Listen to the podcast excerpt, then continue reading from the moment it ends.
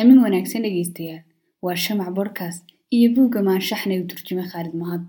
Tirooyinka ayaa xukuma fikirada. Waa aragtidii Baytagaraas.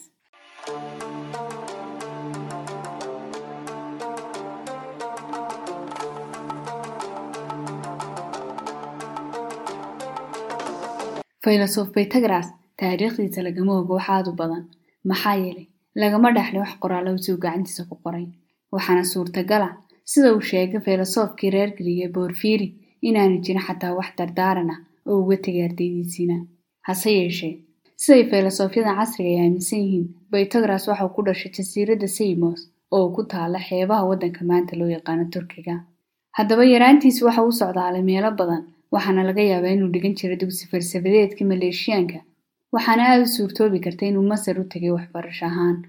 Waayo waxay ahayd goob waxbarasheed qadiimi ah sidoo kale markuu ilaa afartan jir noqday wuxuu dad saddex boqol oo qof gaadhi isugu keenay magaalada Coronton ee ku taala koonfurta Talyaaniga. Wuxuuna dadkan bari jiray culuum isku dhafan oo diin iyo maadiba ka kooban. Wuxuuna ahaa hogaamiyahooda. Si lamida sidaas wuxuu markii uu lixdan jir noqday uu guursaday haweeney da'yar oo magaceeda la odhan jiray Tiana Corontana markii ay madhabtiisa Baytagorian ku kobacday ee ay soo wajaheen colaado afkaareed ayuu ka qaxay magaaladii Coronton wuxuuna u qaxay Mitobontan ugu dambeyn bulshooyinkiisa waxay dunida ka dabargoyeen qarnigii afraad. Haddaba xilligii uu dhashay Baytagaraas falsafadda reer galbeedku waxay mid ka dhalaana oo waa xilligii ay soo asaasmaysay waxaana Giriiga gaar ahaan Miletus ka jiray dugsi falsafadeedkii maleeshiyaanka oo loo aasaasay sidii sharax loogu heli lahaa dhacdooyinka dabiiciga iyo koonka. Waxaana loo tixgeliyay in dugsigan ahaa meelihii ugu horreeyey ee falsafadda reer galbeedku hana qaaday. Hase yeeshee Baytagaraas ilaa caruurnimadii muu ka agfogeyn reer Miletus waxaana suurtagal ah inuu wax ka soo bartay goob aqooneedyadooda xilligaas jiray. Haddaba waxaa la sheegay in Baytagaraas uu si Itaaliis oo kale Masar u socdaalay si uu soo barto geometriga. Sidaas awgeed waxay tani inoo caddaynaysaa in fikradiisu ay xisaabaad iyo tirooyin la soo dhiraandhiriyey ku sargoonaayeen sidoo kale wuxuu faylasoofkan sheegay in dhammaan shay kasta oo adduunka korkiisa yaallaa uu yahay mid si uun waafaqsan xeerarka xisaabta ama qaacidooyinka xisaabyada jira. Wuxuuna ku soo gunaaniday in tirooyinku ay yihiin kuwa xukumo wax kasta oo jira oo ay dareemiyaashiinu gartaan.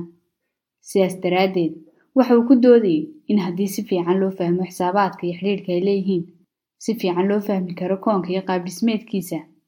Wuxuuna intaas ku daray in xisaabtu ay tahay tahagta fikrada falsafadaysan oo dhan taas micnaheedna waa tirooyinka ayaa xukuma fikrada.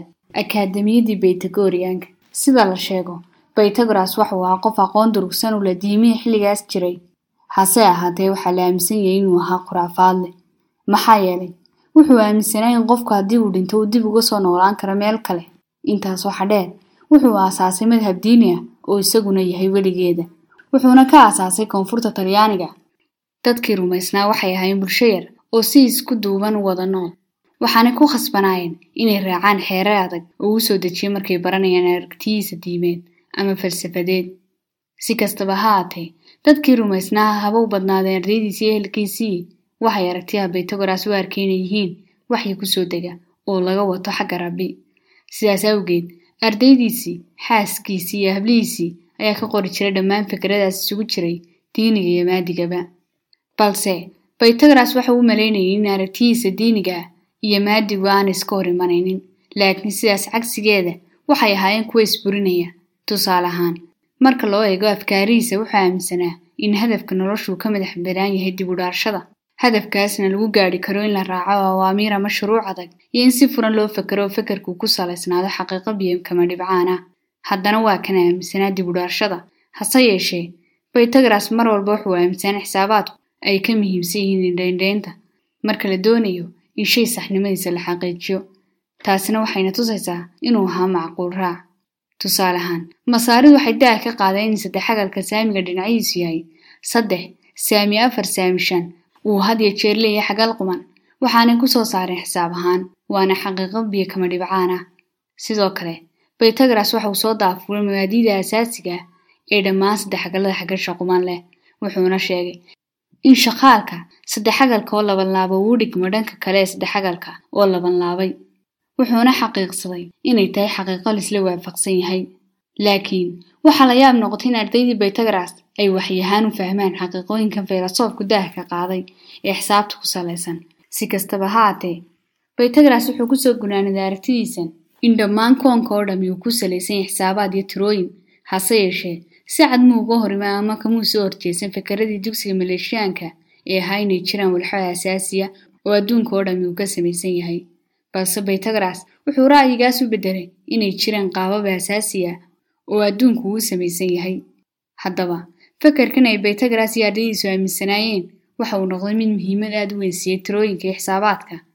Intaas waxa dheer filosoofkan iyo ardaydiisu waxay isla qaateen in shayo badan lagu qeexi karo tiri ahaan sida wanaagga xumaanta iyo cadaaladda guud ahaan baytagaras waxa uu maray hab xisaabaysan si uu sharaxo ama faalo uga bixiyo fikradiisa ku aadan koonka uuna soo gudbiyo wuxuuna sheegay in dhammaan shayada jiro oo dhan uu ilaahay u sameeyey cabir.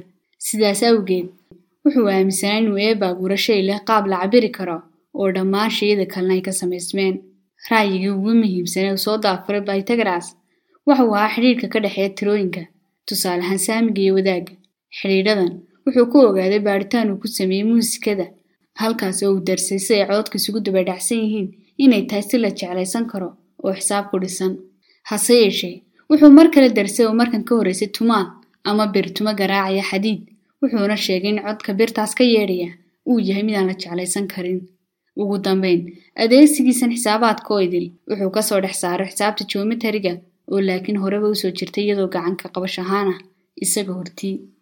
Xidigaha iyo walxaha asaasigaa baytagaras keliya muu cadaynin koonka sharaxaad lagaga bixin karo xisaabaad iyadoo loo maray aragtidiisa odhanaysa tirooyinka ayaa sargoya wax kasta ama dunida xisaabada ay ku salaysan tahay balse wuxuu sidoo kale ku doodayay in codadka ama dhawaaqooda uu cilmi ku salaysan yahay oo siday codadkao dham isugu dabaridmaan ay tahay mid xisaabaad ku lug leh lana xaqiijin karo.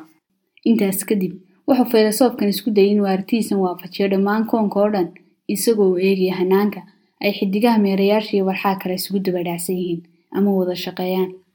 Fakaradiisa ku aadanaa walxaha koonka ee isku dabadhacsan iyo xidhiidhka xisaabta ku aalkuman ee ka dhexeeya waxaa aqbala u adeegsay dhammaan filosofyadii qarniyadii dhexe iyo kuwii ka soo dambeeyey. Haddaba markii la soo gaadhay siddeetankii ayuu saynisaan ingiriis oo lagu magacaabo john englandis soo daafuray in haddii curyaasha loo habeeyo si xisaab ku dhisan iyadoo loo eega si ay u kala fud yihiin ama miisaankooda ay micno weyn u sameynayso sayniska gaar ahaan barashada kimistariga daafurkaas waxaa ka dhashay xeerka ogteefka waxaana suurtagal noqotay in la sameeyo kalgalka curyaasha ee loo yaqaano periodic table oo ilaa maanta la adeegsado. Intaas waxa dheer baytagaras waxa uu aasaasay tiirka buddiga u ah soo dhiraandhirinta fikirada kaasoo la raacayo tallaabooyin uu qofku u adeegsanay si uu xaqiijiyo saxsanaanta xaqiiqo uu ogyahay tusaale ahaan laba lagu daray laba waxay la mid taha afar si loo helo gunaanad dhaba ama runa oo aan muran ku dhisnayn. Ra'yiga soo dhiraandhirinta fikirada waxaa dib u eegis ku sameeyey oo sii horumariyey xisaabyahankii weynaa ee reer greeg ee yuklid oo noolaa qiyaas ahaan taariikhdu markay saddex boqol. Si kastaba ha ahaatee ra'yiyadda muhiimka ee uu falsafadda ku soo kordhiyey filosof baytagaras waxaa ka mid ah in xogta lagu helo fekerka xeesha dheer ee sababeynta ku dhisan ay ka miisaan weyn tahay xogta lagu helo dareemayaasha kale.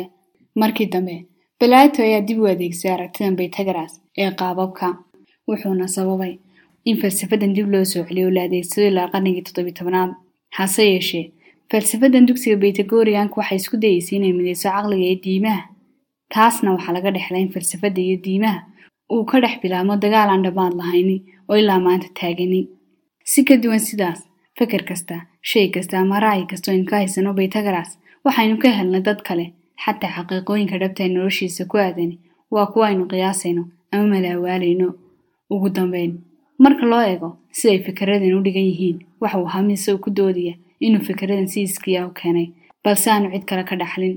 Hase ahaado kii dhab tahay fikeradan alkumay ama yuu ahaanine waxa ugu muhiimsan in la fahmo mudane waa in aragtiyahani ay saameyn togan ku yeesheen fikerada falsafadda